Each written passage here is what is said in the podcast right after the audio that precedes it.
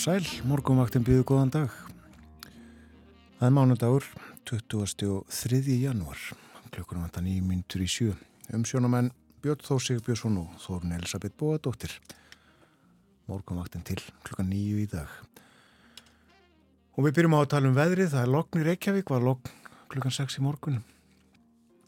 Og uh, þryggjast eða frost. Frost... Uh, mjög víða á landinu örlítill hitti undir vatnajökli. Víða er hægur vindur. Já, þryggjastega frost í Reykjavík og logg létt skíð talsvert kaldar á kanneri nýju stega frost þar og þrýr metrar á sekundu fimm stega frost í Stikisholmi heiðskýrt, fjóri metrar. Fimm stega frost á Patrísfyrði hægur vindur Þryggjastega frost í Bólingavík, 5 metrar þar, fjórastega frost á Holmavík og suðvestan 7. Sjöstega frost á Blönduósi. Tveggjastega frost á Söðunarsvita, sunnan 11.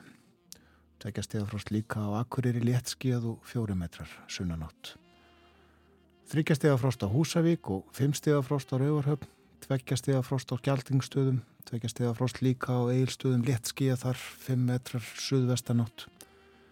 Einstigs hiti á höfni Hortnafyrði og tveggjastega hiti á Kvískerjum.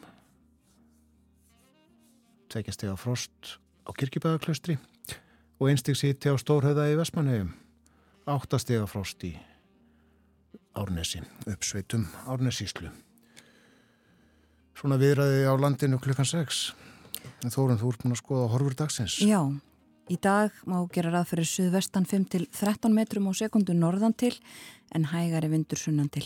Bjartviðri og frostið 1 til 8 stig. Og í kvöld vaksandi austanátt með snjókomu slittu eða regningu sunnan til en norðan til í nótt og hlínandi veður. Suðvestan 8 til 15 með skúrum á morgun en léttir þá til fyrir austan og hitin á morgun 2 til 8 stig og það er svo vaksandi norðanátt vestast annað kvöld með skúrum eða jæljum. Það eru umleipingar framundan. Það snýst svona eh, aftur frost á miðvíkudag, aftur hiti svo á fymtudag og svona gengur þetta næstu daga. Og eh, veðrið svona, já, gengi niður viðast hvar nema fyrir norðan en þá er það spurning hvernig færðin er. Hvernig er hún? Það eru hálkublettir á helstu vegum á höfuborgarsvæðinu og e, víðast hvar hálka eða hálkublettir á söðvesturlandi en greið fært á helstu stoppvegum. Það er líka hálka á helstu vegum á vesturlandi og vetrarfæri á norðurlandi víða með snjóþekju, hálku eða hálkublettum. Það er búið að opna auksnadalsheiði og þar er hálka, stittist í opnin á þverárfjalli, þæfingur er í Vaskarði og syklufjörðavegi við Ketilás svona í morgunsárið. Það er hálka á helstu leiðum á norð-austurlandi og á austurlandi víðast hvar hálka eða hálkublettir. Sömsögu má segja af bæði söðausturlandi og söðurlandi. Hálkublettir, eitthvað um jæljagang á söðausturlandi, segir í tilkynningunum frá vegagerðinni. Það var leiðinda veður í gær og meira en það ferlegt bara á köplum og millandaflugið úr skorðum það tekur tíma að vinda ofan að þessu. Já. og uh, fjölmörgum ferðum aflýst. Vélar komur skorki löndni strönd í gær. Og uh, því er ekki vona á flugulum frá bandarækjunum þennan morgunin eins og venjan er. Uh, svona með undantekningum þó. Og þetta hefur líka áhrif á brottfarir Það eru talsvert setna heldur en áfarma var. Áttu velar að fara uh, klokkan 6 og hálf 7 og 7 en uh, fari ekki fyrir kringum 11, halv 11 eitthvað svo leiðis þetta á viðum play uh, morgunflugið brottfæriðnar frá hjá Æslander uh, sínast mér vera á áhættun svona fljótt og lítið Já. En ferlegt ástand já sem að skapa þess að kepla ykkur flugli í ger tókst nú að lenda fjöldaflugvila en ekki hægt að opna þær og hleypa farþöðum úr þeim nema í stöku tilvikum. Fólk þurfti að dúsa í vilunum fleiri, fleiri, fleiri klukkustundir. Já, upp til 17 klukkustundir held ég þau sem lengst voru. En betra viður í dag? Já Ísland leik sem síðasta leik á HM í handbólta í kær lagði Brasilíuða velli það blést nú ekki byrja fyrir hluta leiksins.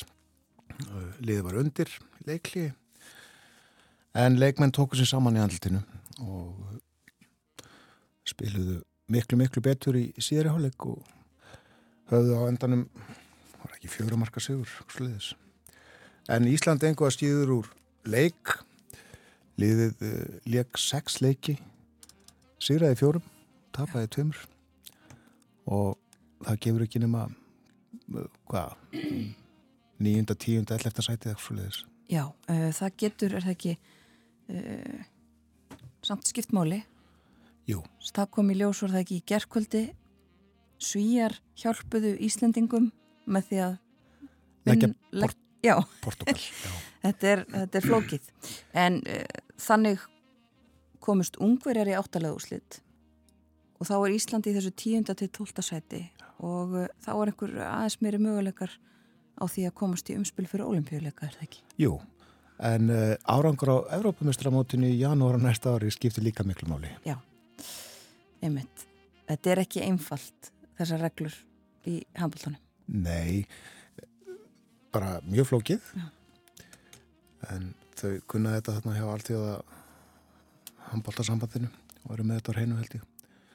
Nei, það er margt snúið við handbóltan. Ég dundaði mig við að um helgina að kynna mér reglurnar þær eru sko 80 eitthvað blaðsýr Já, einmitt að maður átt að segja ekki alveg alltaf á því uh, hvað sko hvaða dóm berið að dæma, hvað berið að dæma við þegar uppkom einhver tiltökin aðtök Einar Örn Jónsson lýsandi en reynda með þetta allt saman á hreinu. Og stundum meira á hreinu heldur en dómarinn sjálfur eins og gengur. En uh, já, það eru mjög ítalegar handbóltarreglunar. Já, og Þorkild Gunnar Sjögubjörnsson íþróttafrættamæður hefur líka, hann tók þetta saman sko hvaða lið komast inn á olimpíuleikana og hvernig. Og uh, það er þetta að sjá fréttum það á vef okkar og rúf.is en þetta er sem sagt 12 lið 6 fara beint og 6 í einhvers konar svona umspil og það eru frakkar sem eru gestgjafarnir þeir komast beint inn heimsmeistarar ársins í ár, Evrópameistarar næsta árs, Afríkumeistarar næsta árs og svo fórkeppnismeistarar Asíu og Ameríku. Já. Og svo eru sex lið sem að spila um þessi sex sæti sem að eftirstanda. En áfram heldur heimsmeistramótið Já. og uh, sínt frá leikjum Rúf 2 held ég engum. Ég held að Kroatia og Bahrein til dæmis eigist við í dag og svo Egiptaland og Danmörk. Framöndan eru fréttnar hjá okkur þar koma á slæginu sjön.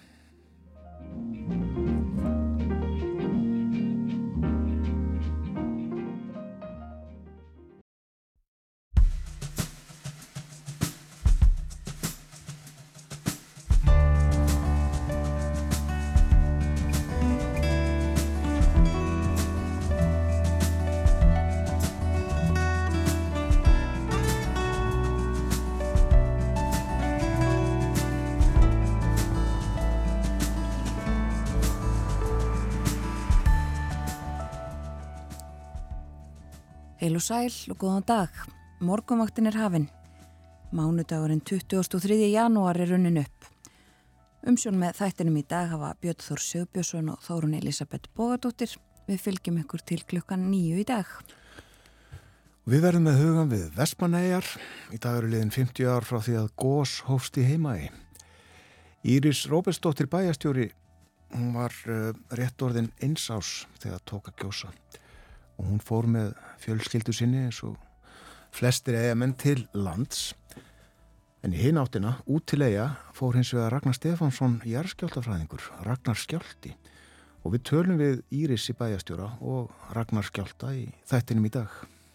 Íris verður á línunni klukkan hálf átta og Ragnar klukkan hálf nýju en á milli þeirra eftir morgunfréttinnar klukkan átta verður Áskir Brynjar Torfason með okkur og fjallar um efnahagshorfurnar í heiminum.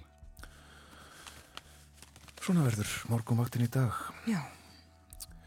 Við hugum að veðrinu, förum yfir hugleðingar, veðurfræðings, strekkings suðvestanátt norðan til á landinu fram eftir mótni en annars má búast við hægum vindi í dag bjart og kallt. Næsta lag kemur í kvöld með austanstrekking og úrkomu fyrst sunnan til en norðan til í nótt. Það hlánar og hiti á morgun verður á bylinu 3 til 8 stig. Strekkings suðvestanátt á morgun með skúrum. Það er strekkingur á strekking ofan. Já. Við fáum svo skamvinna norðanátt með jæljum annað kvöld og aðra nótt. Það léttir viða til og lægir þegar kemur fram á miðugudag og fristir þá aftur og á fymtudag er útlutt fyrir öfluga lægð með stífri sunnanátt og talsverðri rigningu og hlýjendum. En þessi hlýjendi verða skambin því við fáum strax í kjálfarið hressilegan útsinning með jæljum.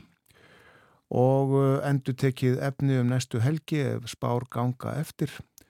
Það eru umleipingar framöndan, segir veðurfræðingur í hugleðingum. Já.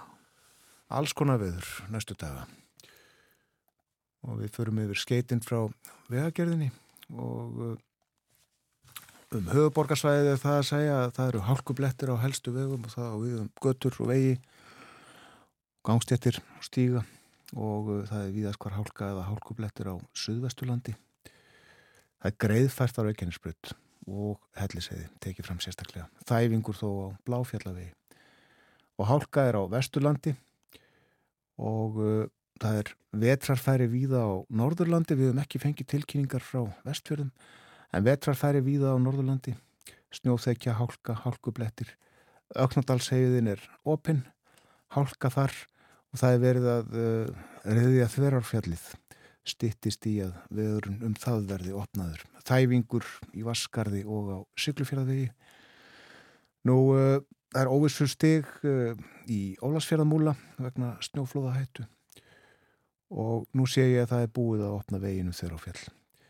Og hálka er á hölstu leiðum á norðu-östurlandi og víðast hvar hálka eða hálkublettir á vegum á östurlandi. Hálkublettir líka á flestum leiðum á söðusturlandi og eitthvað um jælja gang þar og hálka eða hálkublettir á söðurlandinu.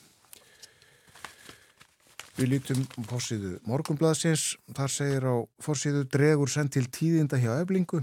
Það fundur á þeim bæi gæri eins og við heyrðum í fréttunum hér áðan og uh, sagt frá þessum fundi sem að litar frettir hafa þó borist af hér á fórstíðu morgunblæsins. Og svo er fjallað hér um gósið í Vestmanægjum, tók að gjósa í heimægi fyrir 50 árum og rétt að geta þess að morgunblæðin í dag fylgir sérstaklega aukablað um gósið. 50 ár eldgósi í Vestmanægjum. Þar er uh, farið yfir atbyrðina í heimægi 1973 og rætt við fjölmarka eins og gengur. Meðal annars við tala við Víði Reynisson yfir lauruglu þjón. Hann er eigamadur og uh, að segja hér í engangi uh, að samtalenu við hann ef svo þekkingi jarðvísindum og tæknibúnaður sem nú er til staðar hefði, sko, hefði verið til staðar 73, 1973 þá hefði heima yfir rýmd að minnstakosti sólarhing áður en eldgósi þar hófst. Titringur var í jörðu og gasútstremi var til staðar og slíkir atbyrðir eru fyrirbóðar elds umbróta.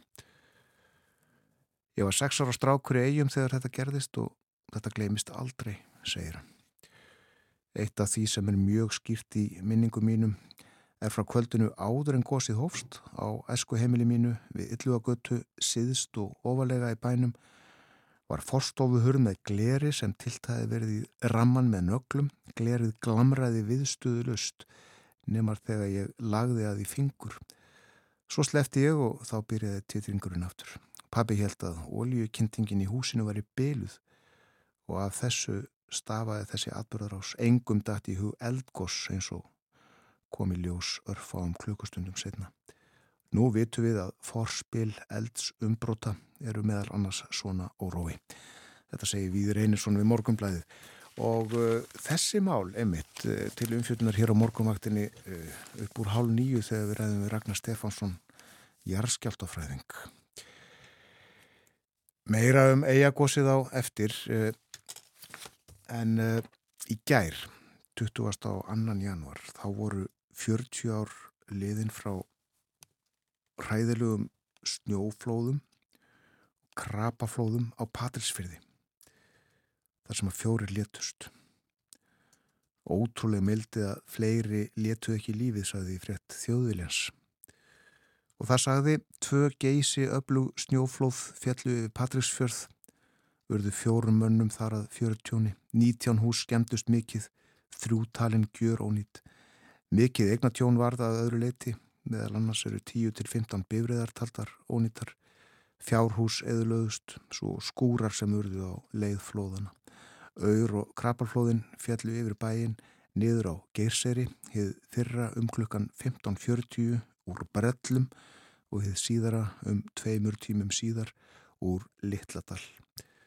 Þeir sem létust í flóðunum héttu Valgerður Jónsdóttir, 77 ára, Martin Ólafur Pétursson, 41 ás, Sigurbjörg Siguradóttir, 58 ára og Sigrun Guðbrandsdóttir, 6 ára. Og þess að var minnst á Patrísfyrði í gær. Frá því var sagt í frettunum hjá okkur í sjómarpinu í gerðkvöldi. Ágúst Ólarsson, frettamæður, var á Patrísfyrði og flutti frett þaðan. Við ætlum að leika þessa frett sem að uh, hefst á uh, broti úr fretta annál sjómarsins 1983. Það er Sigur Jónsdóttir frettamæður sem að les. En um, Ágúst Ólafsson ræði svo við Helga Pál Pálmarsson og Barða Sæmundsson. Og svo að endingu við Þórtísi Siguróttur bæjastjóra í Vestubíð en uh, skulum setja að stað þessa frétt úr sjónvarpinu í gær Þann 22. janúar fjallu mikil snjó og erfljóð á vestfjörðum það stærsta á Patrísfjörði. Í því flóði létust fjórir bæjarbúar þegar skriðan reyð með sér íbúðarhús. Íbúður á Patræsfyrir voru að búa sig á þorrablót þennan laugadag þegar ósköpinn dundu yfir upp úr klukkan hálf fjögur. Flóðum voru tvö og nokkuru mínútum eftir að fyrra flóði fjell var fjöldi fólks komin á flóðasvæði til aðstóðar. Mikil eðilegging blasti við, auk þess sem að þið fyrstu var óttastannari 30 manns væri saknað. Þar af mörg börn sem höfðu verið að leikið farviði flóðsins skömmu áður en það fjell. Tæpum tveimur klukkustundum síðar fjall annar flóð sem einni allir miklu tjóni. Nánast allur bæri var að lokum rýmdur af ótta við að fleiri flóð myndu falla. Um 500 mann skistu í tveimur fjöldahjálpastöðum um nóttina og í heimahúsum sem talin voru örug. 19 hús skemmtust í flóðunum. Við látum að ná þessu hopni hérna börnu og lifta svo upp vegnum. Hérna er ekki sko, það baðið var hérna. Já, já. Það er ekkert þémægt hérna inni. Tugi björgunar fólks á nærlegjandi byðalögum og Reykjavík unnu dögum saman ásamt heimafólki við að reynsa til eftir flóðin, gera göturfærar og útvæða þeim húsnaði til bráðabyrðar sem mistu heimili sín. Og þessir atbyrðir hér á Patrísfjörður 40 árum síðan eru íbúðum hér að sjálfsögðu enn í fesku minni. Þetta áhrifðu allt samfélagið, íbúar mistu ástvinni og það var mikið egnan tjón. Tveir patrísfyrringar sögðu okkur sína upplifun að þessum við, viðburðum hér fyrir í dag.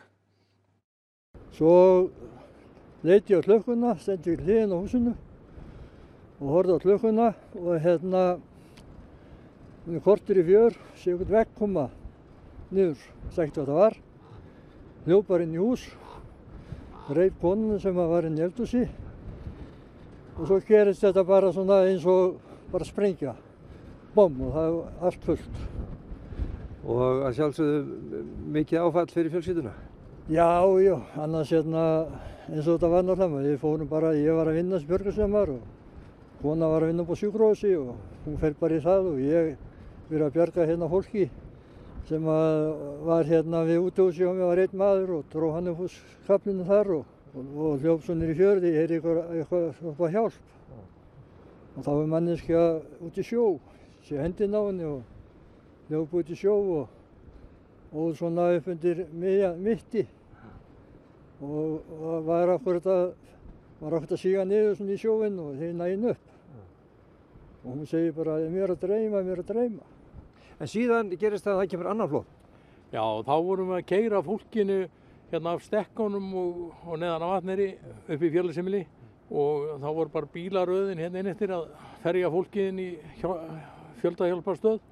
Og við vorum svona komnum vel á stað með það sko. Og svo snúum við, fórum við neyri eftir aftur. Og svo þegar við komum með næsta hóp tilbaka þá var alveg orðið slétt fullt yfir fyrir ofan sláturhúsið skaflinn og þá bara stóðu menna eiginlega bara vissi ekki á hvað varum að vera eiginlega. Í dag var hér í bænum vegleg dagskrá til að minnast þeirra sem fórust í þessum kreppaflóðum. Eh, fyrst var haldi minningastund í Patræsfjörðarkirkju þar sem tónlistafólk híðana svæðinu kom fram meðal annars. Þá var áhrifurík og fallegstund við minnisvarðaðum hinn að látnum, lagðu blómsvegur og kveikt á kertum. Síðan var minningaratöfni félagsheimilinu þar sem fósetti Íslands ætlaði að vera viðstatur en hann er hins vegar um borðið varskipi sem hann fekk far með og ætlaði að flytja hann hingað og hann lendi í björgunir aðgjörðum úti fyrir vestjörðum. En hér hjá mér er Þórdís Sigurðardóttir bæjarstjóri hér í Vestubíð. Eh, Þórdís, hversu mikilvægt hefur það verið fyrir heiminn hér að geta saminast núna þessum degi? Það er bara gríðarlega mikilvægt en á þessum atbyrði fyrir 40 árum þá var mjög mikil samkend og samhugur sem að einkendi fólkið hér sem að bjóð hérna og það er gott að hittast svona aftur en það var vel tekið þátt í atbyrðinum mm. og þetta er líka gott fyrir þá sem eru aðfluttir og þá sem voru kannski ekki fættir á þessum tíma að fræðast og fá svona, svona upplýsingar um viðbyrðin sem áttu sér stað og hafði mikil áhrif á líf fólks. Mm. Það eh, voru lengi fá tækifæri til að vinna úr svona áföllum og, og sorg. Mm, já, Á þessum tíma var ekki til eitthvað sem hétt áfalla hjálp eða áfalla streitur öskun og það hefur kannski bara sem betur fyrir breyst aðeins tímanir. E, þá var meira verið að bera harminn í hljóði og berjast bara áfram á nýjanum e, og ég held að þetta sé bara svona ákveðinst tækifæri til þess að taka aðeins á því og byrja að ræða um þetta. Það er bara mikilvægt til þess að segrast á sorginni og erfileikunum að ræða um þetta. En, en sem betur fyrir þá hérna, er, er þetta öðris í dag heldur en þessum tíma. Mm. Þóldís, takk hjá það fyrir þetta. Já, fólk minnist ímissa luta um, um allt land og við þakkum fyrir að segjum þetta gott hérna frá Patrísfyrði. Ágúst Ólafsson fréttamaður á Patrísfyrði í gær, 40 ár þá frá snjóflóðunum hræðilugum. Og eh, eins og Ágúst gatum ætlaði fórsitt Íslands að vera við eh, minningarstundina, aðtöfnina á Patrísfyrði í gær. En uh, hann komst ekki og hann skrifaði á Facebook, við fylgdust nú með þessu í fréttunum í gerð, það var sagt frá þessu. Fórsetin skrifaði ekki fyrir allt eins og ætlað er. Nú syklum við á varskipinu Freyju til Akureyrar. Ég orðin lögsgráður um borð. Tilhæði staðið í gerðkvöldi að ég heldi með Freyju til Patræksfjörðar þar sem ég fulltrúar landhelgiskeslunar og fleiri sætt um minningastund vegna þess að 40 ári eru liðin frá hennum miklu krapaflóðum þar sem urðu fyrir urðu fjórum að aldur til að á leiði við breyðafjörð barst hins vegar beðinu um aðstóð frá Hrafni Sveinbjarnasinni GK sem var vélarvana á halamiðum. Að sjálfsögðu var kursin tekin þangað tórin var tekin í tóg og skildi haldið til Ísafjörðar nokkru síðar tókst hins vegar að ræsa vélar á ný og nú heldur freyja til Akureyrar en Hrafnin suður á bók Ég hef notið gestrisni og góðvildar Fridriks Höskuldssonar skipherra og áhafnar hans um borði hennu glæsilega varðskipi okkar Íslandinga. Hér náðu við að fylgjast með sigurleik strákanu okkar gegn Brasilju og þakka ég þeim fyrir skemmtunina síðustu daga. Ekki gekk allt upp en það kemur mót eftir þetta mót.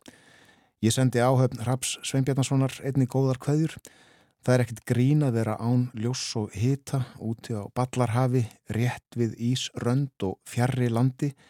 Reyndar var þar lengt og líklega var veður hverki eins gott í íslenskri lögsugu í dag og úti á halamiðum. Það var þó láni óláni. og fósettin ítrykkaði að lokur hlýjar kveðjur til Patrísfyrðinga og uh, hvað stefna því að heimsækja fólki í vestu byggð fyrir en síðar og svo pentan á að ávarp hans sem hann ætlaði að flytja sjálfur við minningarattunina en annar gerði fyrir hann að það mætti lesa á vefsíðu fósætæðanbættisins. Og uh, við erum líka með hugan við dæn í dag og það að það eru 50 ár frá því að Eldgós hófst í vestmannegjum í heimaði. Þú ætlum að grýpa niður í þátt sem að Guðni Tómasson, dagsrágerðamæður hér á Rás 1, tók saman. Hann var frumfluttur klukkan fjögur í nótt sem að er eh, sá tími sem að Ríkisútarpi hóf útsendingar á þessum degi fyrir 50 árum síðan. Og uh, Guðni segir svo því í byrjun þáttarins að það sé hefni að ónemndu tæknumæður hafi haft vit á því að setja sjálfbandsbólu í tækið og, og taka upp þessa fyrstu klukkustundir eftir gós, þar að segja fyrstu klukkustundinar í Ríkisútarpinu Það var ekki alltaf gert, eh, spólur voru dýrar og eh, Guðni hefur sagt, tekið þetta saman eh, þessar fyrstu klukkustundir og svona soðið þær neður í eina klukkustund. Þessi þáttur verður aftur á dagskrá klukkan 2 í dag hér á ráseitt. Við ætlum aðeins að grýpa niður í þáttin og þetta eru fyrstu viðtölin sem að, eða fyrsta viðtalið sem að heyrðist í útvarpinu á milli klukkan 4 og 5 um nótina og uh, skulum aðeins heyra þetta er Pétur Pétursson þölur þarna fyrst. Hlustum aðeins. Óþarfreikja viklukkan er núna nærri 28 mínútur gengin í 5 og frétta og tækniminn eru hér önnum kapnir við störf sín og eru nú að ná sambandi við vestmannegar og uh, hér kemur Jón Áskilsson með tíðindi þaðan Halló. Já. Góðan daginn. Góðan daginn. Er það Vestmanniðum? Já, þetta er aldrei fyrstu til. Já, þetta er Jón Áskísson hér. Þessaður. Hvað getur þið sagt okkur af þessu? Já, ekki nema þetta við vonum komið hérna í Kabur og svolítið nokkuð erum fannir á Bryggju. Já. Eftir áleggingum úr útvarpinu. Já. Já. Hvernig, eh, er, er þetta mikið? Já, það er núna einhverja hóðalega sprengjur núna allt í einu að þú ert að ringja en þetta er ansið mikið. Er það ansið mikið, já. Já og ískikilega nálagt okkur. Eigin er svo lítil. Já, hafið orðið vörfið það að fólk sé, hafi, hafi gripist hræðslu eða? Já, já, það gerir það. Dóttir mér var að ringja núna nokkur löngur síðan og byggja okkur mikið um að fara nýra á bryggju. Það væri allir að fara nýra á bryggju og, og ekkert stóla neitt á flugvöldin Nei, er ströymur fólks nýra höfninni kannski? Já, já, það er allir fjöldin farin vann í bátana og Já, og fólk er alltaf að fara og, og núna var að koma sko við ætlum að vera róleg þanga til að kæmi tilkynningur útvarpinu. Við erum búin að hafa samband við lauruglu okkur er ráðlagt að vera róleg. En núna var að koma tilkynningur útvarpinu svo lýst að við ætlum að fara. Við erum með fjögur börn og, og ætlum að drífa okkur niður á bríki það er ekkert annað að gera og maður byrjur bara guða að hjálpa sér. Hvernig eru þið fyrst verið við þetta? Ég vaknaði klukkan 2, tæft 2 og við brunalúður og heyrði svo mikið í bílum að ég held að það væri að kvikni hérna nálægt og fór fram og fór nú að kíkja út um alla glukka og spekulera. Þá sáum við mikið eld hérna fyrir austan. Ég held að væri bara hérna næstu húsum hérna rétt fyrir austan. Og ég var vist ofsifju til að gera mig grein fyrir að geti verið eldgóðs mér dætti ekki í hug. Svo vakti ég manni minn og hann hérna sá strax að myndi verið eldgóðs Svo ég... lappaði hann hérna strúr og, og lísti þessu fyrir okkur og við vorum róleri þegar við hyrðum að, að þetta var alveg stuðið vita. Já. Og það var sprunga sem lág sko suður með, suður á haugana. Hvernig er veðrið hjá okkur? Gott, virkilega gott. Gott veður, já. já. Það bjargar miklu. Já. En nú, nú verður spilja á þakkinu, ég veit ekki, kýft út til mér. Það er komin allt í einu byllandi rikningabilur á þakkinu. En það er búið að vera, við erum búin að lappa hérna út og það er búið að vera indislegt veður. Já. Það gæti ekki betra að vera. Það er aska á þakkinu. Hann held að vera rikningan, ég bjóst nú við kannski öðru og það er komin aska núna, bílur, bílur hér á þakkinu. Já. En það er ekki fyrir núna bara meðan ég er að tala við þig. Nei, hvernig stendur vindáttinn? Það hefur verið alveg logg, að mér verðist sko. sko. Ég get ekki gert mig grein fyrir á hvaða áttan er en hann spáðist ekki. Þannig það er svo mikið hægt og gott við þess að hann getur verið. Já. Hvar búið þið í bænum? Mjög ofalega. Tungutu, 22. Já. Og það er upp undir gerðisbæjónum. Já. Mjög, mjög nálat. Helga þetta sem sagt. Þannig heyrðum við Jón Áskirsson, frettamann ræða við Öldu Björstóttur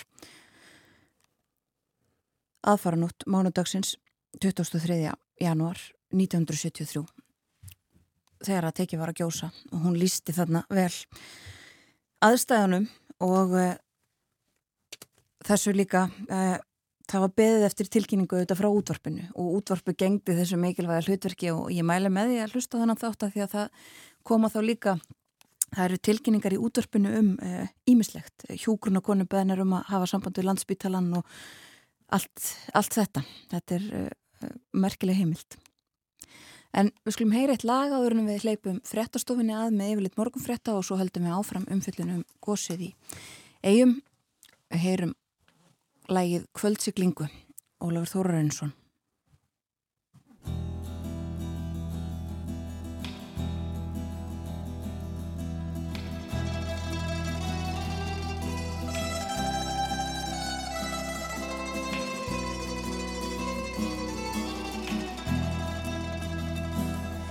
Bátur líður út um meijasund en er vor um haf og land Syngur blærin einnum aftanstund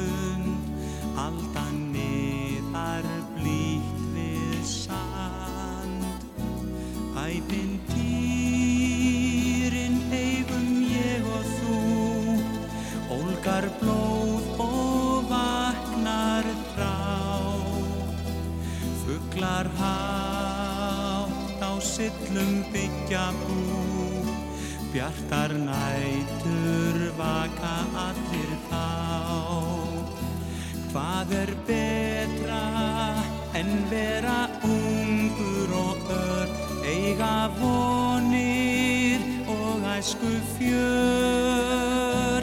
Geta sungið, lífað leikið sér Létt í spori hvar sem er. Og við öldu nýðum aftanstund Eiga leindar mál og ástafund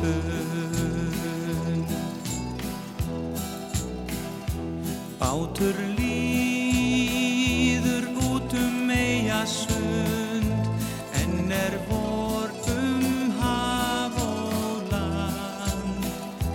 Syngur blærin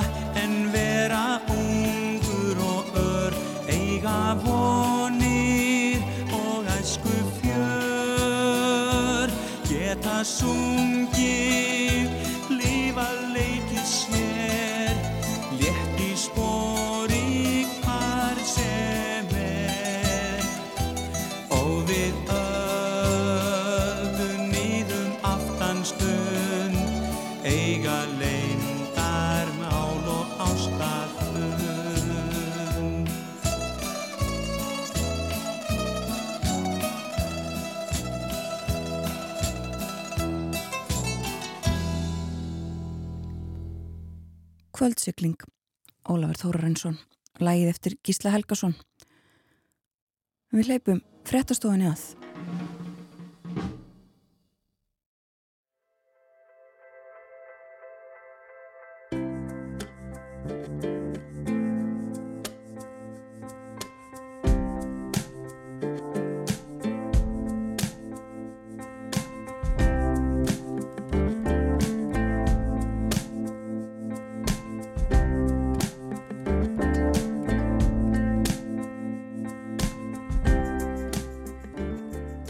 Aftur þegar það hlusta á morgunvaktina á Rás 1. Það er mánudagur í dag 20. og 3. janúar. Klukkan réttliðilega hálf 8. Um sjónamenn þáttarins þennan morgunin Þórun Elisabeth Bóadóttir og Björn Þór Sigbjörnsson. Við fylgjum ykkur til nýju. Og það er skaplegt veður á landinu í dag. Já, skaplegt, rúmlega það. Ljómandi veður bara, ljómandi vetrarveður sumstaðar og uh, spáinn, suðvestan 5 til 13, norðan til Hægari sunnan til, bjartviðri, frostið 1 til 8 stíg. En vaksandi austanátt í kvöld með snjókomu, slittu eða regningu sunnan til. Og uh, það verður svo snjókoma norðan til í nótt og það hlínar. Og eins og áður sæði frostið í dag 1 til 8 stíg en á morgun þriðudag verður hiti 2 til 8 stíg. Og uh, svo verður þetta köflótt alla vikuna sínist mér. Kólnar og hlínar á viksl. Já, umleipingar í kortunum á næstunni. En uh, við höfum verið að rifja upp og spilum hér fyrir frettæflitið brotur þætti Guðna Tómassonar uh, hér á Ráseitt sem er uh, upp úr fyrstu klukkustundum útsendingar á þessum degi fyrir 50 árum síðan. Það var um klukkan fjögur sem að útsendingarnar hófust en nokkru fyrr þá hafðu borist fréttir af því að það væri tekið að gjósa í Vasmanegum og við erum með hugan þar í dag og uh, í símanum er Íris Róbertsdóttir bæjarstjóri í Vestmanegum. Góðan dag. Já, góðan daginn. Það er kannski að byrja á að spyrja þig uh, hvernig veðrið er hjá ykkur Vestmanegum núna? Hefur veðrið er bara kannski svipað að var fyrir 50 árum. Já. Það var hundlegilegt í gæs sem var aðfara nótt góðsnóttar næturinnar og núna er bara nokkuð gott veður og stilla. Já, það er gott að heyra. Þannig að uh, það er útlitt fyrir að það verði hægt að komast uh, til, eða kannski aðla til eiga sem að skipti máli í, í dag sem ekki var hægt í gær. Já, það var, voru einhver ferðir í gær en núna er bara skipið að sigla úr landaði höfn. Já, og eða vona á mörgum uh, til að taka þátt í deginum í dag, veistu það? Sko ekki formlega vegna þess að þetta er svona lástemt. Þetta eru þetta mjög sérstaklega dagur þar sem að við erum að minnast þess að gósið hófst fyrir 50 árum og við þögnum því að þegar gósinu laug með sérstaklega gósloka háttíð en þeir sem eru í rauninni formlega gestur og eru að koma til okkur í dag er fósætti Íslands og fósætti Sráfira. Já, einmitt. Og þau taka þátt í viðbörðum í dag og, og í kvöld. Þess að það verður svona uh, ákveðin dagskrá samt í, í allan dagar það ekki? Jú, við erum með ákveðina dagskrá sem er lástemt það er minningafundur í bæjarstjórn núna í hátteginu og mun fórseti Íslands ávarpa hann. Og síðan eru nokkru litlir viðburður í dag en svo klukkan 18.45 ekki það sapnast saman við landakirkju og þar verður gengið upp í eldheima með blís og þar verður svona dagskráð þar sem fósiti Íslands og fósiti Sáþyra og fósiti bæjastjórnar mun ávarpa samkomuna og að verða flutt tónlistaratriði og kastljósið er mitt með beina útsendingu inn í þessu og svo leiðist. Þannig að þetta er með svona allt öðrum hætti heldur en við gerum þegar við fögnum því að góðsinu lauk og Já. ekki fór verð. Einmitt, það eru þetta uh, dagurinn í dag, dagurinn sem gósið hófst er ekki fagnæðarefni, uh, fagnæðarefnið er eins og segir þegar að gósinu lauk. Já, Já. En, það er en eins og ég segi það er margs að minnast, já, en þetta er líka erfiðu dagur fyrir mjög marga já, og þessi 50 ár svona, maður sér það bara á samfélagsmiðlum og svona þetta eru ítt við mörgum, það að margir sagt sína sögu og sína upplifun bara á þessari nótt og því sem á eftir kom. Já. Þannig að þetta er svona, já, það eru blendnar tilfinningar í dag. já. Uh, og þetta eru þetta uh, eitt stærsti viðbörðurinn í, í nútíma sögu Íslands og uh, eðlilega sko fylgir kannski að einhverju leiti uh, allir þjóðinni, það þekki allir svona þessa sögu að einhverju leiti staðin eru þetta allt önnur meðal vestmanneinga uh, hún fylgir þeim alltaf, er það ekki þessi saga uh, sérstaklega þetta kannski þeim sem að upplýðu þetta en samt sem áður líka uh, setni kynsluðum Já, það gerir það. Þetta er eins og þú segir, sko, þetta er það stór viðbörður að það eru bara, já, allir þeir sem upplifið viðbörðin muna hvað þeir voru og hvað þeir gerðu en fyrir öðrum er þetta saga en fyrir okkur hér er, og ég hef oft sagt að því hef verið að tala um þetta að þetta er kannski það sem gerir okkur að vestmanningum. Þetta hefur einhvern veginn þessi samkend, þessi samtakamáttur og það sem bara gerðist hérna þessa nótt og það sem á eftir kom og þessi ákverðin að koma tilbaka og byggja upp. Þetta er einhvern veginn, þetta er svo ótrúlega saga og ég held að þeir sem að tengdust þessu og upplifuðu einhvern veginn þetta markerar fólk fyrir lífstíð en það er alveg ótrúlegt hvað fólk gerði og hvernig það bara komið aftur og byrjaði að flytja tilbaka og það var allt svart. En ég held að, að þeir sem stýrðu hér í gósinu og eftir gós hafi haft stóran þátt í því að bara fá fólk aftur heim og bara ég er þeim óendala þakklátt sem komi hérna aftur og byggðu upp þessa eindislegu eigið. Annars væri ekki hér í dag. Já. Og sko þú varst sjálf, þú ert auðvitað vestmannengur og, og, og þín fjölskylda uh, lifði þetta, þú varst nú einsás er það ekki rétt sem er þegar þetta Jú, hófst. ég var einsás. Þannig að eðlemál sem samkvæmt mannst þú vendanlega ekki eftir þessu, en hvernig, já við bara spyrðið aðeins um svona sögu þinnar fjölskyldu, hvernig var þetta hjá ykkur? Þetta var og vil nú svo skemmtilega til að ég stend hérna út í glugga í húsi sem heitir Viða í Vestmannin og mamma og pappi voru nýflutt í þetta hús og var að sofa fyrstu nóttina og ætluði að leia sér hér íbú. En tilvíðið að hagaði þannig í dag að ég er hérna tímabundið að því við erum að taka húsið okkar í gegn og það hittir þannig á að ég er hér sömu nótt. En þetta var eina nóttin sem að fjölskylda mín, við byggum í þessu húsi, mamma komið sjöman og leiði með sýstu mína og það var banka hérna utan á húsi, sýsturina mömmu og mamma tók náttúrulega bara ekkert marka á því. Ég held að það væri bara eitthvað partistand á sýsturinni. Það geti nú ekki verið byrjað gós en svo var það auðvitað raunin og við förum þarna um nóttina bara og við mamma fengum kói en þetta var mjög átakaleg ferð og mamma henni svona halv hryllir alltaf við þegar hún talar um þetta en við líka menta, meina það að það verið haldið vendarandi yfir okkur þessa nótt öllum össmanningum að Guð hafi verið með, með okkur.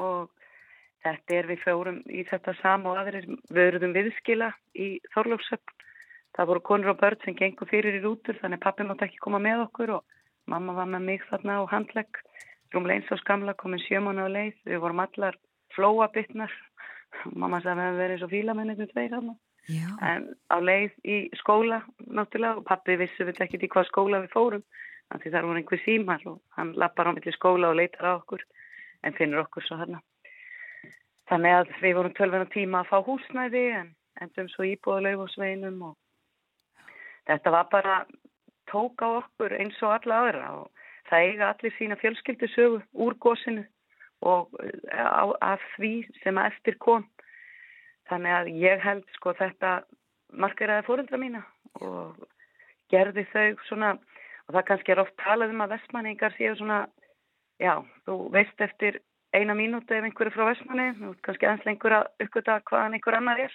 já. en við einhvern veginn við þurftum að berjast fyrir okkur á þessum tíma og ég held að það hafi mótað svolítið þennan eiga karakter sem að fólk þekkir svo vel í dag. En það var margt sem var mjög erfitt en mamma talar alltaf um það, henni funnir svo ótrúlegt hvað fólki var rólegt. Hvað allir voru rólegir á bryggjunni. Já. Það var engin dramatík, ekki, ekki verið að garga og góla og svona. Fólk slappaði bara eins og einhverju leiðslu. Ymmitt, það er uh, og fleiri auðvitað kannski talað um það, það er alveg magnað uh, hversu Vestmanni engar heldur ósinni og hvernig þetta allt saman gekk fyrir sig, hvernig var hægt að koma öllum í mm. burt.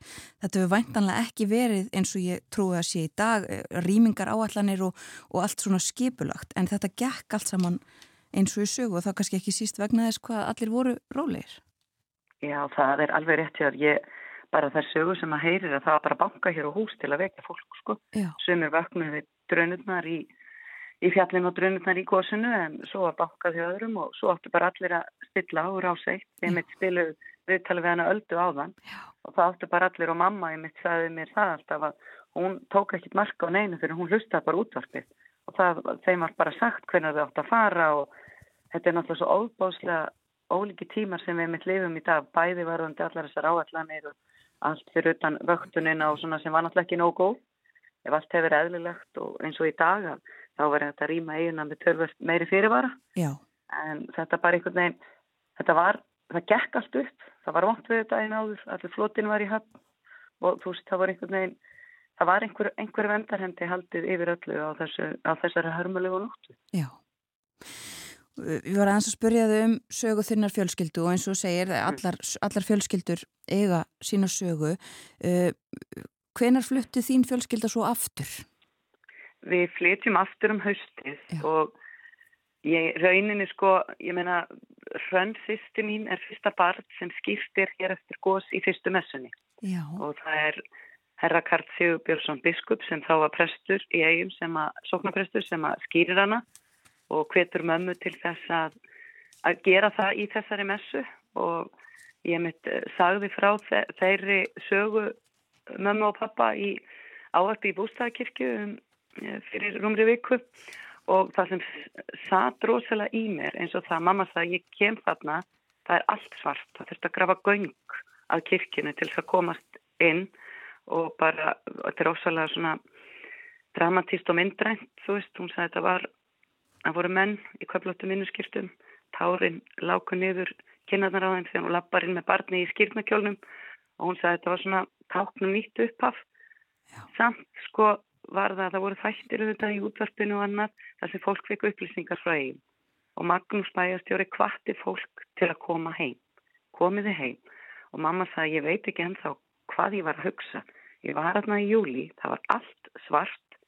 Ég fór samt um haustið og auðvitað var ennþá allt svart. Skilu þetta var einhvern veginn bara við þurftum að fara heim. Já. það þurfti að byggja upp. Og þetta er einhvern veginn þú veist, eins og hún sagði, svo var maður svo gladur þegar það fór að kveikna í fleiri húsum sko. Já. Þannig að þetta er þetta Þannig... er bara, já Já, einmitt, já, þannig að þetta var í rauninni ekki einhver svona ákvörðin eða umræða sem þurfti að taka þau bara urðu að fara aftur heim Já, þau tóku nú smá debatt um þetta pappi var ekki alveg á sama máli en þetta réði mamma okay. Já Sko, Íris, þú myndist á þetta áðanum þetta er stór hluti af því að vera vestmanni einhver og uh, margar er auðvitað fólk emitt sem að upplifu þetta en svo er sögunni haldið lifandi um, og sko heldur þetta sé mismunandi eftir kynnslóðum, þá mæn ég kynnslóðunum sem að hafa komið á eftir eða, eða er alveg sama hvort það eru sko börn sem voru í skólanum þegar þú varst eða eru í dag, það eru allir sem að alast upp við uh, svona uh, vittnesku um þessa atbyrði.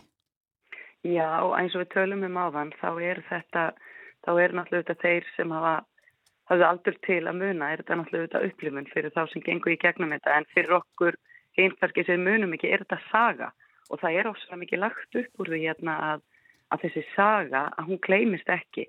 Og það er kannski hluti af því að uh, við minnumst góðslokana og rifjum upp alltaf þessa sögu og erum að reyna að gera það að halda utanum þessar heimildir. Af því þær eru náttúrulega bara ótrúlega ótrúlega verðmæntara því að þetta hefur ekki gerst áður og vonandi gerist aldrei aftur hérna á Íslanda að það gjósi svona í byggð. Já. Þannig þetta er, og það er svo núna tíundu bekkur í grunnskólanum er búin að vera í alla nótt að lesa henni texta frá, góðstengta texta frá rúf frá þessari nótt. Þannig þetta er svona, við erum alltaf einhvern veginn að tala um þetta og fjallum þetta sko í kringum þessa tíma en þess á milli erum við ekki endilega að hugsa um það að við búum með elgós í bakarinn. Sko. Nei það er haldið áfram auðvitað með lífið og, og eins og fórst yfir líka áðan og bara áhrifin af þessu á svona daglegt líf vestmannenga og bara svona hugarfar er, mhm. er töluvert um, áður um við sleppum þér sko, uh, mér langar að hans að spurja þig um sko þín fjölskylda snýri tilbaka og þú varst að lýsa því fyrir okkur uh, hausti 1973 og þá er allt svart og, og svo fer að svona kveikna líf í, fleiri húsum, uh, kveikna ljós sko hvena varð lífið í eigum aftur eðlilegt? Sko mér finnst á þeim sem að sko þetta sumar, sumarið eftir gós að það var alveg ótrúlegt sko hvað mikið var gert og þetta með það að menn hafi strax þeir sem réðu hér hafi strax ákveðið til dæmis að láta móka upp kirkjugarðin. Já. Það að móka upp kirkjugarðin til þess að fólk átti sitt sína aðstandendur sem kvildu þar að fólk kæmi þú veist, þú hafðir eitthvað heim að sækja. Ég, mér, þú veist, á því sem að ég held að það hef ekki verið fyrir svona kannski upp úr kannski sömarið 74 haustið, ég er ekki alveg með það á hreinu en það tók tölvert langan tíma það þurfti náttúrulega að móka og handmóka stóran hluta af eiginni, þó hún sé ekki stór þá er það svona 14 ferkilometra sko. Já.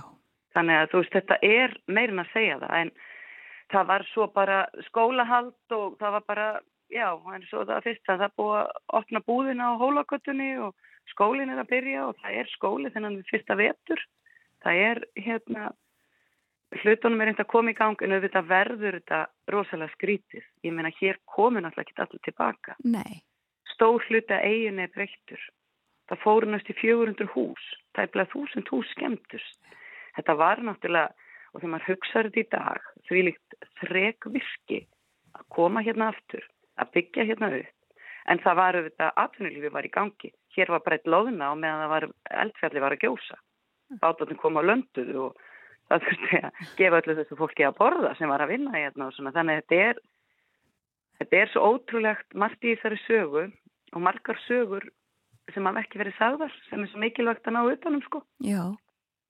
þannig að ég held að bara miða við það sem að sagt sko fólk upplifaða kannski að lífið var bara orðið nokkuð eðlilegt en það getur ekki hann að vera en að þau tekið mörg ára að fara í þetta. Horfum einhvern veginn þú saknaði vina en að nágrana konan í næsta hús á fjölskyldan kom ekki aftur. Já. en konan í þar næsta kom. Þannig að þetta er svona já, já maður mað fær aðeins svona maður fær ríki í augun og maður verður aðeins klökkur á þessum degi. Já, skiljanlega. Þú ætlum að sleppa þér Íris Róbursdóttir bæjastjóri Vasmanauðum það er nóg að gera hjá þér í dag og, og þínu fólki auðvitað öllu. Gangi ykkur vel í dag og takk fyrir að spjalla við okkur á morgunvaktinni. Já, takk og takk fyrir samtalið. Sumulegis takk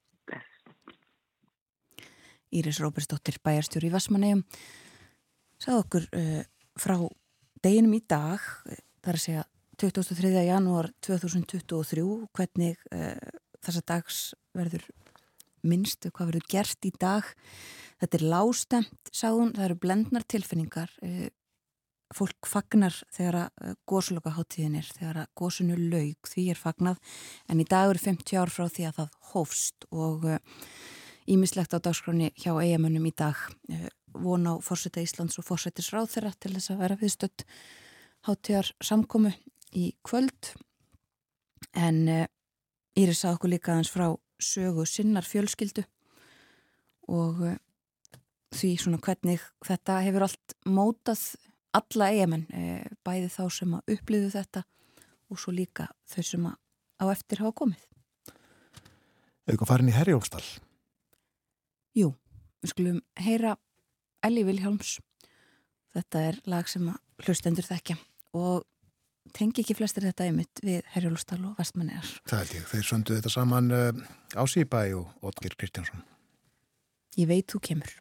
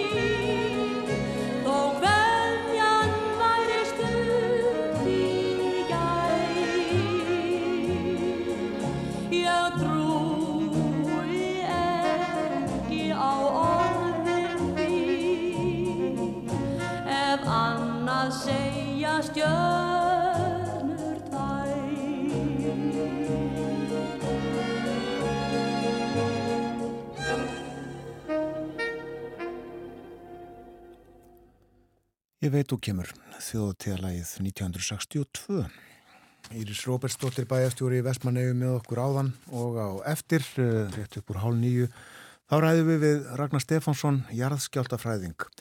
Hann fór út til Vestmanneja, öfugt við eh, allt fólkið sem fór þaðan, skömmu eftir að gósið hófst.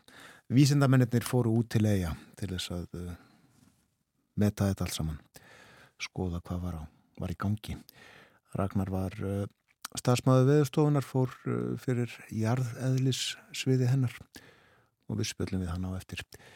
Frettinnar koma eftir, hvað, 6 mínútur sínist mér, slæginu átta. Eftir þær verður Áskepprinar Torvarsson með okkur, sérfræðingur í fjármálum. Við ætlum að tala um efnaðasmál í heiminum. Hann er statur á Ítalíu, við ætlum að segja okkur aðeins frá gangi mála þar. Við heyrum líka því sem að framfór á ráðstöfnunni í Davos í Sviss. Hún stóði yfir, eða fór fram í síðustu viku og já, fyrir nokkuð víða yfir heiminn má segja. En eins og áður saði fréttir hér eftir stuttastund svo efnaðasmáli heiminum og svo jarfræðin í Vesmanheim.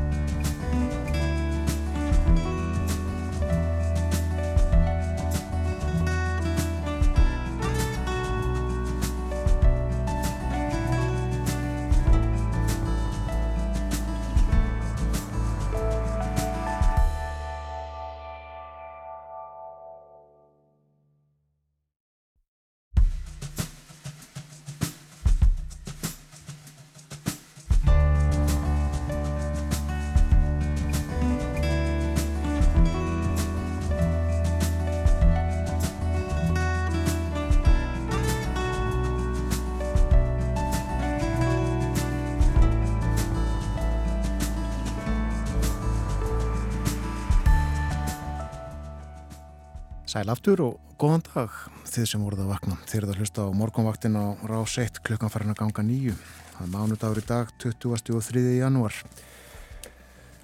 Við myndumst Vestmanæjagossins hér fyrir morgun 50 ár liðin frá því að það tók að gjósa í heimæi. Rættum við Írisi Róbestóttur bæjastjóra í Vestmanæjum og við höldum áfram umfjöllun um gósið á eftir. Ragnar Stefánsson, jarðskjáltafræðingur verður með okkur. Tölum við hann eftir frétta eflitið hálf nýju. En nú ætlum við að tala um efnaðasmáli í eiminum. Við erum komin í samband við Ásker Brynjar Torfarsson, sérfræðing í fjármálum. Hann er statur á Ítalíu. Heill og sæll og góðan dag. Góðan daginn. Allt í sóma á Ítalíu í dag?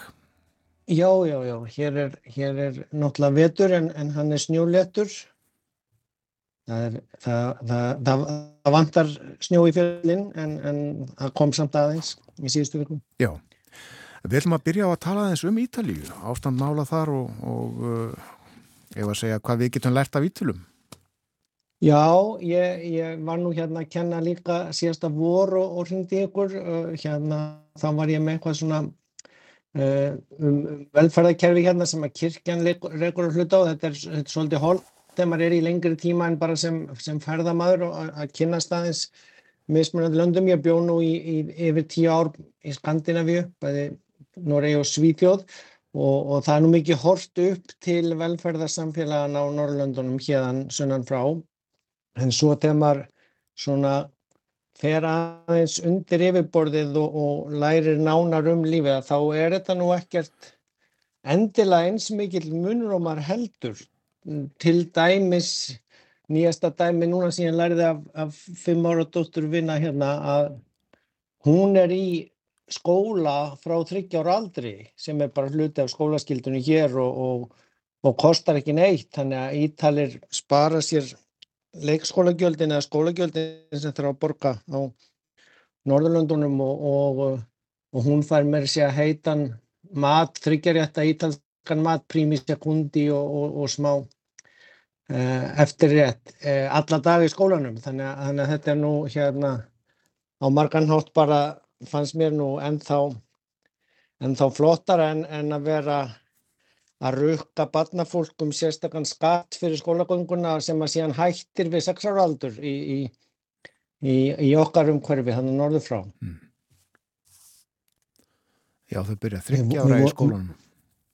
Já, og tvekja háls, það er mismunandi eftir hvernig að fæta á árinu, þannig að, þannig að hérna, það er náttúrulega ekki eins upplugt leikskólakerfi hér eða, eða hægt að byrja við endilega ársaldur en þá hjálpa afar og ömur til eða, eða, eða frengur eða eitthvað þessu þar. Þannig að, þannig að auðvitað, auðvitað er, er munur á atvinnu þáttöku eftir kynjum og fleira þessu þar, þannig að það, það er nú alveg uh, sumt sem þeir horfa til uh, okkar norður frá en, en, en þetta er svona dæmum hvernig maður allavega ætti að átta sig á heldarkerfinu og, og, og hvernig kostnæðarskiptingin er. Við vorum að tala um bleiukostnæði í Noregi og, og þetta var svona fannst mér framhald af því að, að hérna, skólagjaldakostnæður er, er mjög lagri og jáfnveil allt upp í háskólastúdunda þau fá, fá hérna, um, niðugreitan mat til, a, til þess að allir fái heitan, he, og hotlan mat gegnum skólagönguna.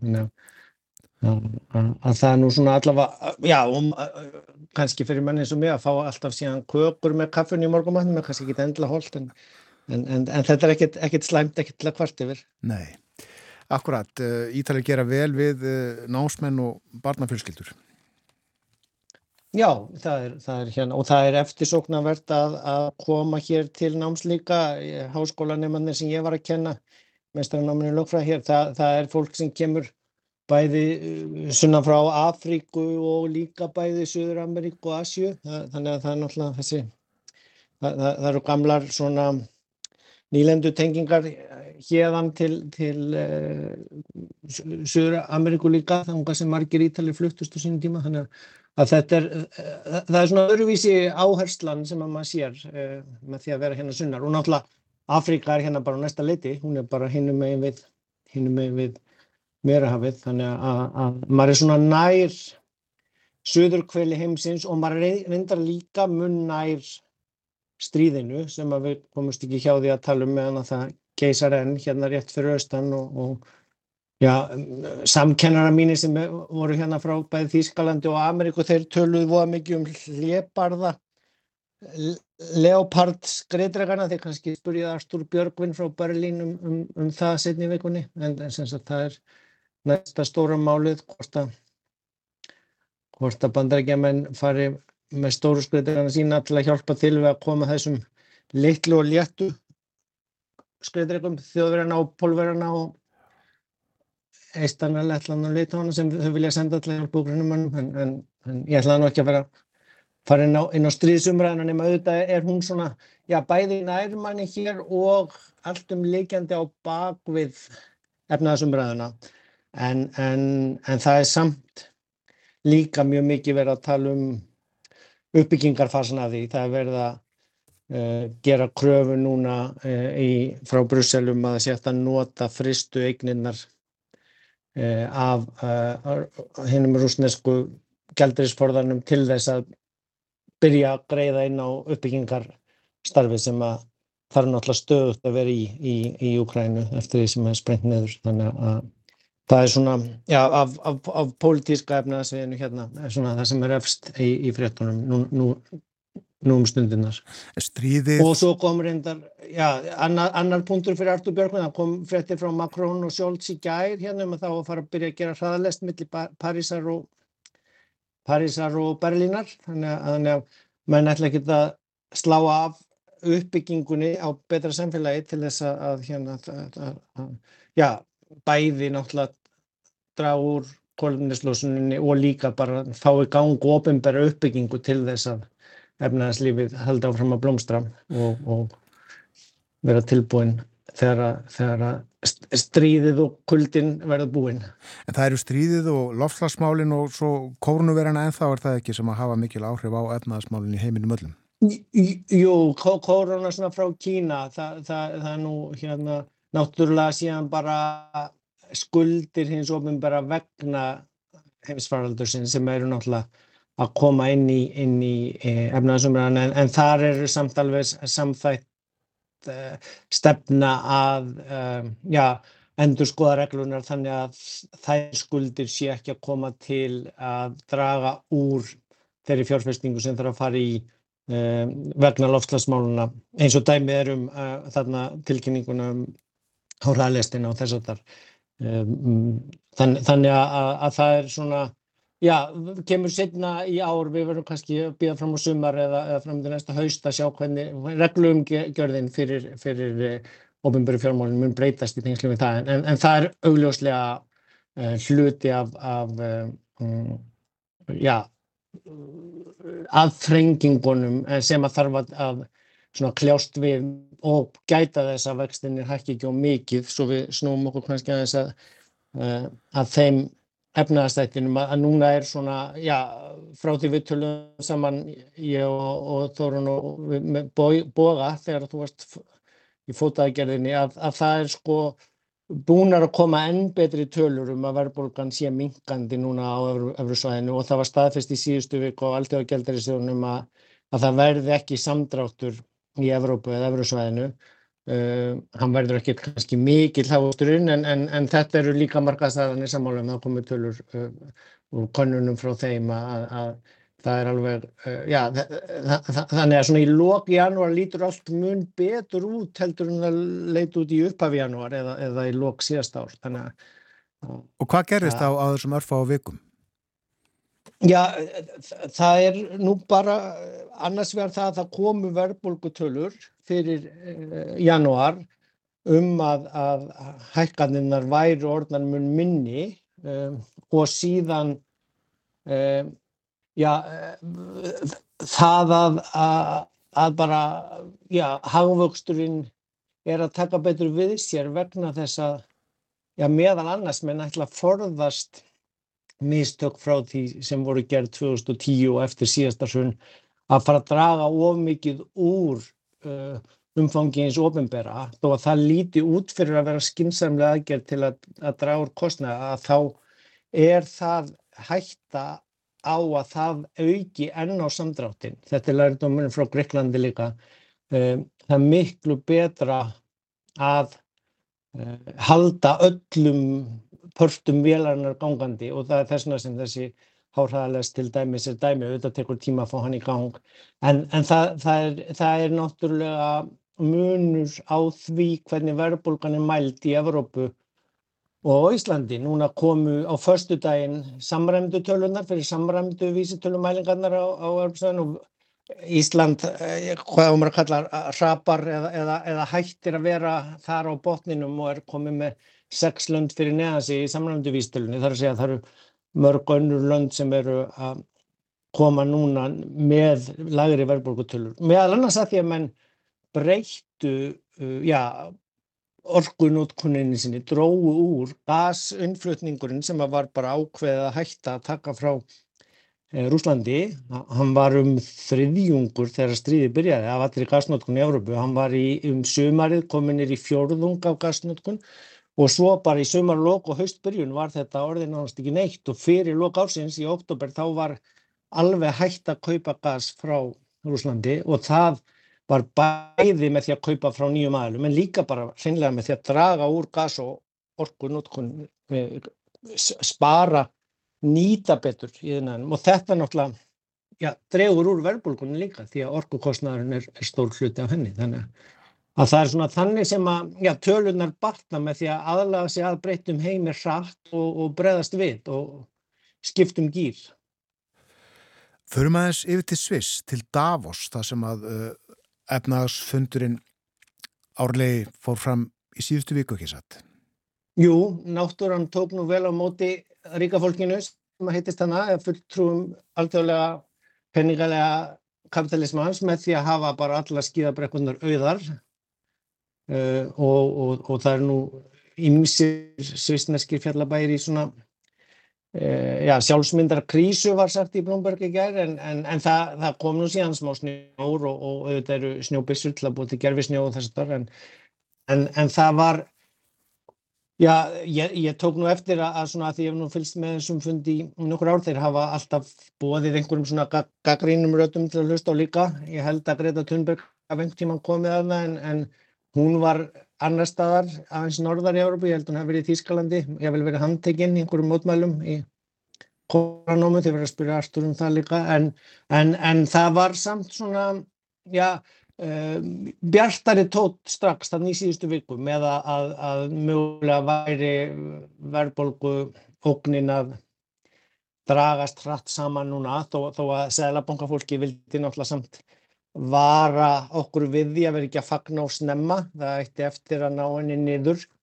Sumir vilja tala um að, að við ættum kannski að horfa á aðra tölu en 2% sem eitthvað heilagt markmið, það sé kannski alltaf að vera með 4% verðbólgumarkmið í ár, 3% verðbólgumarkmið á næst ári og, og, og nálgast síðan 2% aðeins svona í, í það sem kallað er í, í, í til miðlungt langstíma en ekki, ekki alveg strax að því að þetta takir tíma. En, en, en það voru síðan aðra rættir eins og, eins og hérna Larry Sömber sem var fjármálar og þrjá var að tala hana.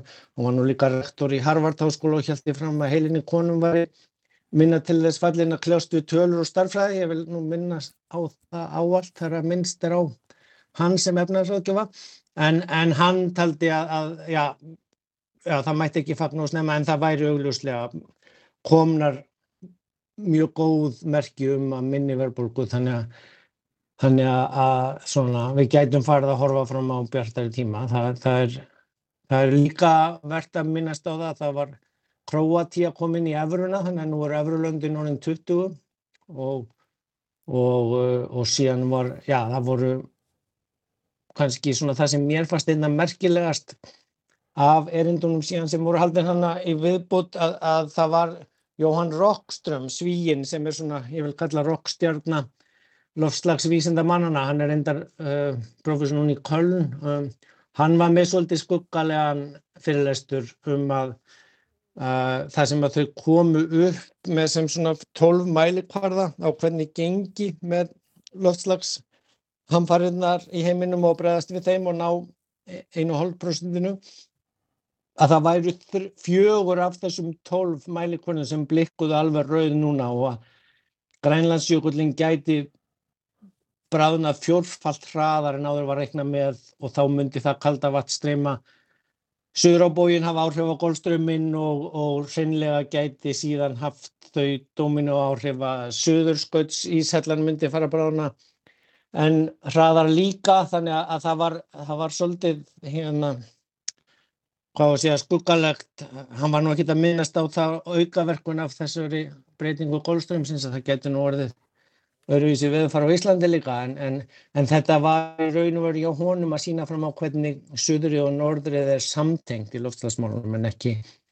eh, ekki bara svona aðgrein svæði eða einhverjar litlar eigjar fátakra smárikja langt í burtu sem væri að fara mögulega lendundi vatni út af þessari línun heldur að heldar kerfið í heiminum væri já, á rauðum blikkandi hættuljósum þannig að við erum að fara aðalega okkur að grípa hratt í tömuna. Ljúkum sig í dag í Suður Ameríku. Tölum aðeins um Brasilíu og Argentínu sem að, uh, er að velta fyrir sér áhugaveru samstarfi núna.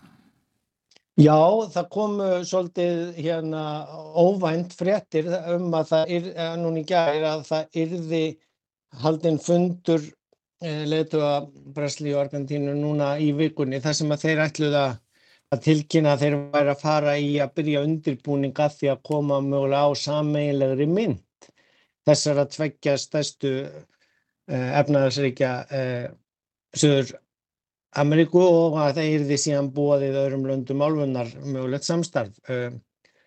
Nú ber að geta þess að þetta er auðvita eitthvað sem gerist ekki hratt þó að það hefur verið komið nafn í Financial Times sem Sur eða, eða Suðurrið og gæti orðið mögulega alltaf öðru stærstu gjaldmjölasveið heims en, en, en já, þetta er allavega spennandi hugmynd. Það, það tók nú reyndar 35 ár að koma á efrunni sem svona mynd samstarfi og allt þar til fyrir 10 árum, 12 árum töldum en jáfnvel að, að það væri ekki örugt en, en, en við sjáum allavega núna hvernig efran er að spera sig og í samspilu við dólarin að hún er ekki neinum vafa lengur um að vera orðin einn af öflur í gjaldmjölum heims en, en það, það er 20 ár sem er búin að vera til og það tók yfir 30 ára að búa hana til þannig að ég veit ekki alveg hvenar við ættum að reikna með að, að um, Suður Ameríku gjaldmiðlinn komi en, það er hins vegar já, ljóst að samspili á milli hins Suður kveldsjarðarinnar og, uh, og okkar í, í, í góðarinn í norðinu að það þarf að, það þarf að aukast og það þarf að vera svona Já, tekið meira tillit til flæðisins þarna á milli, ekki bara á lofslagsviðinu heldur einni á, á efnaðarsviðinu. Því að Kína er náttúrulega að fara í samdrátt, þannig að upplugu, uppsveiflu hlutar heimsækjörfisins munum mögulega að koma bæði Afríku og Suður-Ameríku megin. Það búin 300 miljónir held í samanlagt í þessum tveimur ríkjum, Brasilíu og Argentínu. Já, það er eins og það eru på samandi? Já, akkurat. Segjum þetta gott í dag. Kæra þakkir uh, meira setna. Góða hverju heim. Sjáumst. Takk. Áskipleinu Tórófsson statur á Ítalíu í Tórinu. Nú, Alþingi kemur saman í dag. Uh, Alþingi hefur ekki fundast síðan í desember. Nemndir verða störum eins og gengur. En uh, hvað ætli sé á Darskráð Þingsins í dag? Við konum það, fyrst fundir núna fyrir háti í nefndunum stjórnskipunar og eftirlitsnemnd til dæmis fundar klukkan hálf tíu og þar á dagskrá meðal annars skýsla ríkisendur skoðunar um sölu á hluti ríkisins í Íslandsbanka. Þetta mál verið til umfjörnunar í nefndinni núna í fleiri, fleiri, fleiri vikur, velferðanemnd fundar líka og þingfundur svo klukkan þrjú í dag og það er eitt mál á dagskrá. Frumvarp dónsmálaráþur á um útlendinga, um alþjóðlega vernd. Önnur umræða um það mál fer fram í dag.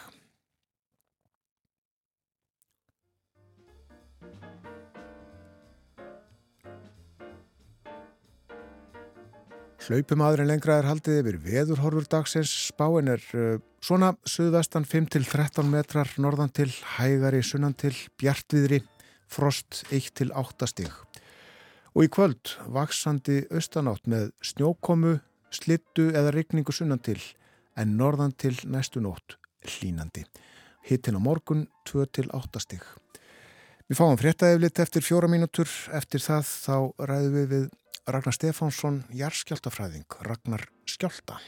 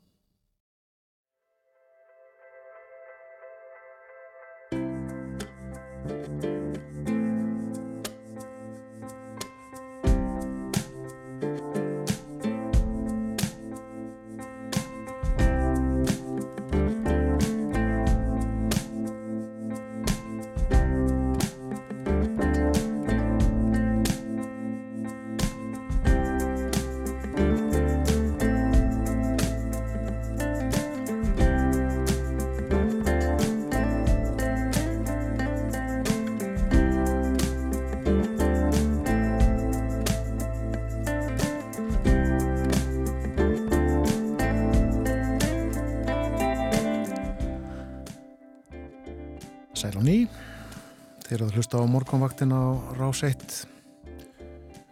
Siglum í róli heitum inn í daginn, mánudagur í dag, 23. januar. Og eins og ég sagði frá áðan þá fund, er fundur á alþingi í dag, hefst klukkan þrjú og þessi útlendingamál á dagskrá.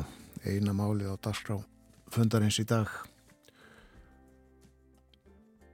og uh, svo held ég að síðu þingfundir næstu daga og vikur Já, ég held ég að sé rétt. Það fer alltaf fullt að það voru nefndadagar í síðustu viku í þinginu en, en uh, svo er samkvæmt starfsáallun núna gert ráð fyrir því að það sé fundað uh, fjóra daga í þessari viku og svo sömuleiðis uh, í næstu viku. Og það eru svo kjördæma dagar þeir eru um miðjan februar einmitt það, já. Það er ekki alveg nákvæmt, ekki hár nákvæmt að segja uh, þessi útlendingamál, þetta útlendingamál sé eina málið á dagskraföndarins í dag það er líka óundibúnar fyrirspurnir og uh, til svara verða fyrir uh, áhuga sama fjármála á etnaðarsráþura, umhverfis orku og lofslagsráþura, utarrikisráþura, háskóla, yðnaðar og nýskupunaráþura og dómsmálaráþura. Þetta eru færri ráþurar heldur en titlarnir Já, gefa til kynna. gefa til kynna. Einmitt. Og auðvitað fyrsti þingfundurinn í töluvert langan tíma. Það verður aðteglisvert að sjá hvaða spurningum verður beint að þessum ráþurum í dag. Já. Og við töluðum aðeins um handbóltan hér snemma í morgun. Ísland og leik en áfram er leikið og uh, það verður sínt frá tveimur leikjum á Rúf 2 í dag. Kroatia og Bahrein mætast klukkan 5 og uh, klukkan halv 8 Egiptaland og Danmörk. Og áfram eru þetta fylst með þessu móti sínt frá því sjónvarpinu. Já Íslandingar eiga ennþá fulltrúa þarna. Alfred Gíslason þjálfar Þískaland og Aron Kristjánsson þjálfar Bahrein. Einmitt Útsendingunum líkur ekki þó að Íslandingar hafi lokið keppni þar að segja íslenska landsliðið en eins og segir þá eru ennþá þarna fulltrúar Íslandinga á svæðinu. Með okkur hér fyrir morgun var Íris Róbertsdóttir, bæjastjóri í Vestmannegjum. Við reyfjum upp gósið í eigum, tók að gjósa þar fyrir 50 árum aðfara nótt uh, 20. og 3. januar 1973 og hún sagði sögu sinna fjölskyldu. Já, hún gerði það og lístiði líka fyrir okkur að veðrið í vestmanniðum í dag er, þetta er eiginlega alveg eins og fyrir 50 árum. Þá hafði verið vond veður daginn áður uh, og þess vegna allir bátar í höfn og svo var hæglætisveður nánast lokn þegar það tók að gjósa og þannig er það líka í eigum í dag en hún fór yfir já sögu sinnar fjölskyldu og, og svona það hvernig þessi atbyrður auðvitað lifir með ekki bara vestmannegingunum sem að uppliðu þetta heldur líka setni kynnslóðum. Hún uh, sagði líka uh, sögu sinnar fjölskyldu í ávarpi sem hún flutti í bústaðakirkju uh, í síðustu veku og þar talar hún meðal annars um það sem hún sagði okkur eins frá áðan líka að sýstir hennar Hrönn var fyrsta batni sem var skýrt í landakirkju eftir gós og uh,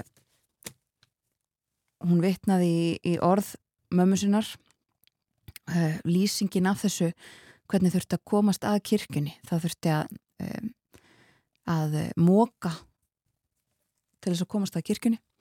Og hún sagði þegar við komum inn í andrið var það fullt af stígvélum og kirkjan tróðina fólki aðalega karlmönnum í vinnufötum sem unnu við hreinsunarstörf og uppbyggingu. Stígvél voru það eina sem dögði sem skótau á þessum tíma og þeir vildi ekki fara inn í kirkjuna í þeim. Tilfinningin var sterk þegar ég gekk inn með batnið í kvítum skýrnarkjól, neður kinnar karlmannana í köplóttum vinnuskýrtum á sokkalistunum runnu tár. Þó að allt var í svart í bænum náðu gislar sólarinnar að skíninum glukkana og barnið í kvítum skýrnarkjól var eins og táknum upprissu nýtt upphaf. Karl sagði að þetta hefði verið merkilega aðtöfn og ég gleym henni aldrei. Þetta var svo að Karl Sigurbjörnsson biskup sem að þarna var sóknuprestur í Vestmanniðum og hafði kvart fjölskylduna til þess að láta skýra badnið þarna.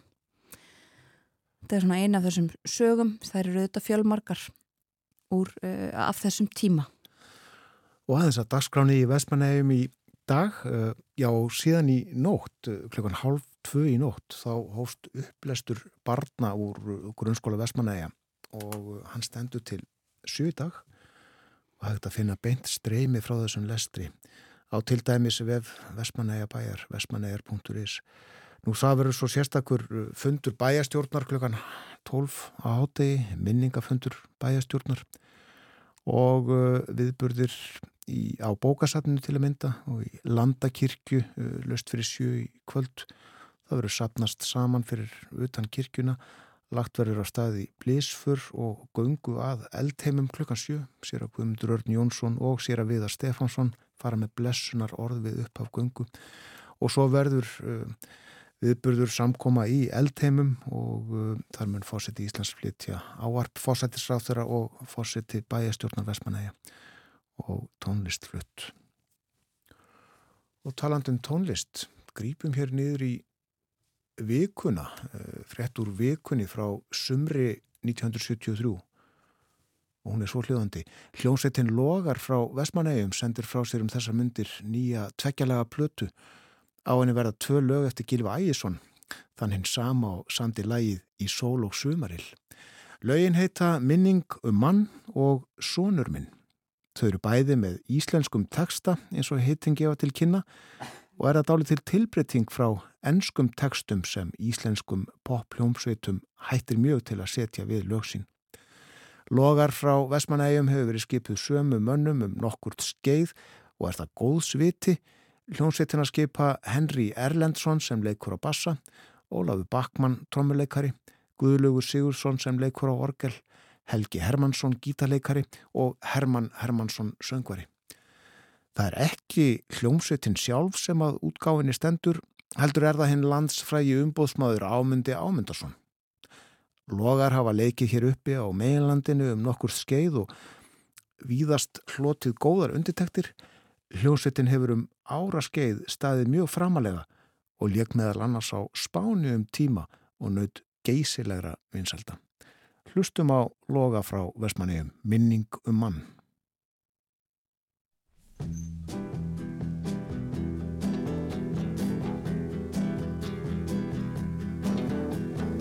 Nú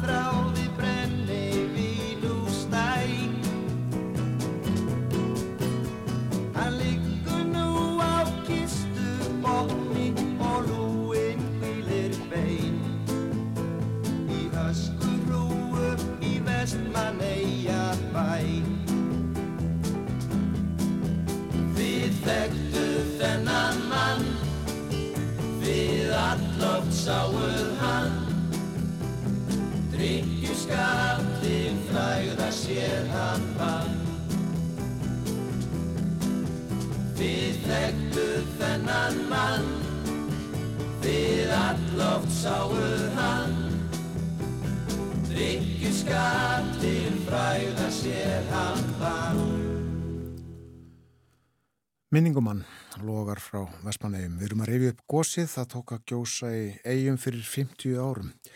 Eigamenn fóru í land en út til eiga fóru vísindamenn. Í þeim hópi var Ragnar Stefánsson, jarðskjáltafræðingur og hann er í símanum. Heil og sæl Ragnar, góðan dag. Já, kom sæl. Blessaður. Já, Manstu, þetta var nú ekki, já, ég ætla að segja, manstu þetta vel? ég, ég man það alveg, ég man ég fór út, út, út til eiga í flugvel, lítið til flugvel og, og það var svona sólaring eftir þetta byrjaði. Og það var nú sem sagt ágættis veður, veður þá en þá þegar ég kom að gata og, og, og jú, jú, maður man, man sá þetta og sá hvað var byrjað og sá að raunum að fara að sjástæðans í raun og svona. Og en það var ekkert öskufatnið byrjað að ráði fyrir um kvöldið. Þegar ég, ég fór burt með, með, með hérna e, skipi um kvöldið og, og hérna ekki verið herjólu bara. Og þá ég man að maður stóð aftan á skipinu og horfið, horfið til lands og þá var öskufallið að byrja og það var svona algjör sorti yfir bænum. Þá var, var vindurinn þá var, þá var vindurinn að snúast til suðurs eða suð, suðvesturs og þetta var að fara að blása í áttina að bænum frá góðstöðanum og leil ansi illa út svona og það var nú búið að menn voru búin að pæli í hvernig, hvernig þetta myndi enda og, og fyrir, fyrir vestmenningin þetta er fyrst og fremst sem maður var náttúrulega að pæli í þá. Og, og en þeir eru náttúrulega komið í land og komið úr hættu en ma maður horfið svona þessi, það var svona dimmur dimmur bakki af ösku sem að, maður sá þegar maður horfið til lands og leit svona askaplega nöturlega út þegar maður horfið, horfið frá, frá skipinu. Já, ég trúi því. skipinu í land. Gerði þetta gós uh, engin bóða undan sér?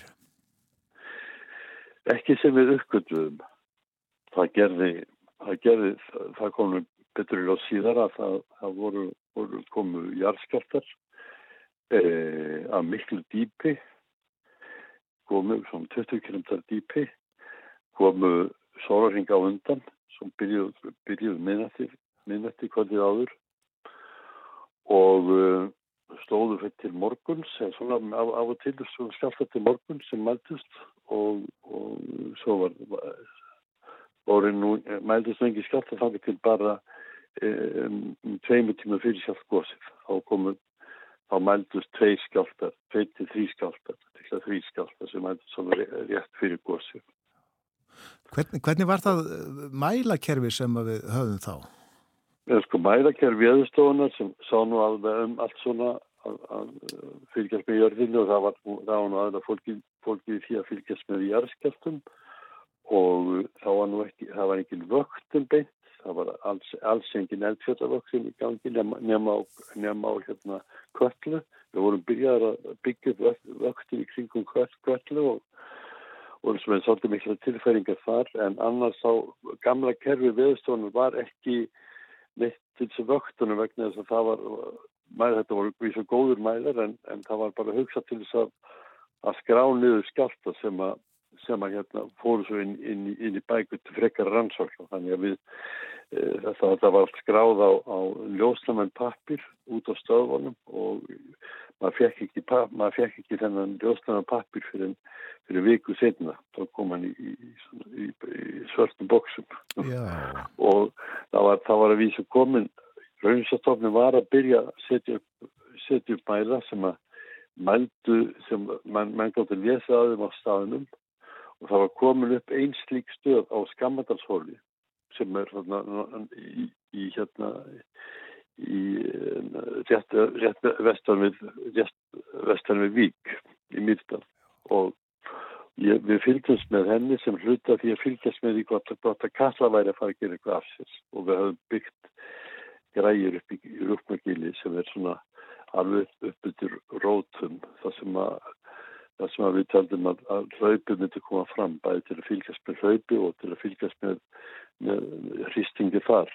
Og, og en, en, en það var eina sem við getum kallað vöktun, þar vorum við með hugan en, en e, það var, það var bara vaktaverkna þess að það geta verið mjög hættileg, sérstaklega hlaupin. Bara bæði fyrir, fyrir ferðarfólk og og svo ef þetta er í stórt hlaup þá myndi það geta valdið flóðum miklu flóði við, við, í vík sjálfri. Og en, þann, en þannig að við það var ekki, ekki hugsa fyrir. Við einar á skamatarsvöli við sáum skjálta, skjálta þarna og, og hérna bárum saman bækur okkar. Ég, ég, ég sá ég gæti séð skjátt á mælunum í Reykjavík Reykjavík mælunum svona samdægust með því að framkalla í, í framkalla blöðin hérna hjá okkur sjálfum og, og einar gæti lesið skjátt af, af þessum, ein, einum af þessum mælum sem var að verða að byggja að setja upp og var, hann var reynda búin að vera í gangi nokkuð tíma hjá einari og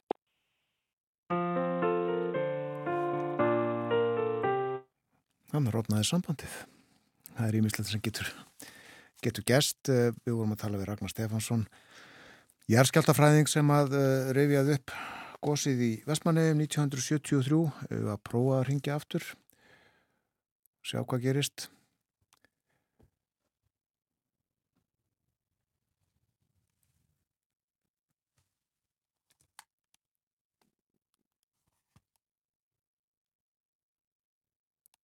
Nei, verðist eitthvað. Halló. Þarna ertu, já, já. þarna rofnaði sambandið. Já. en við erum komin að staða aftur. Já.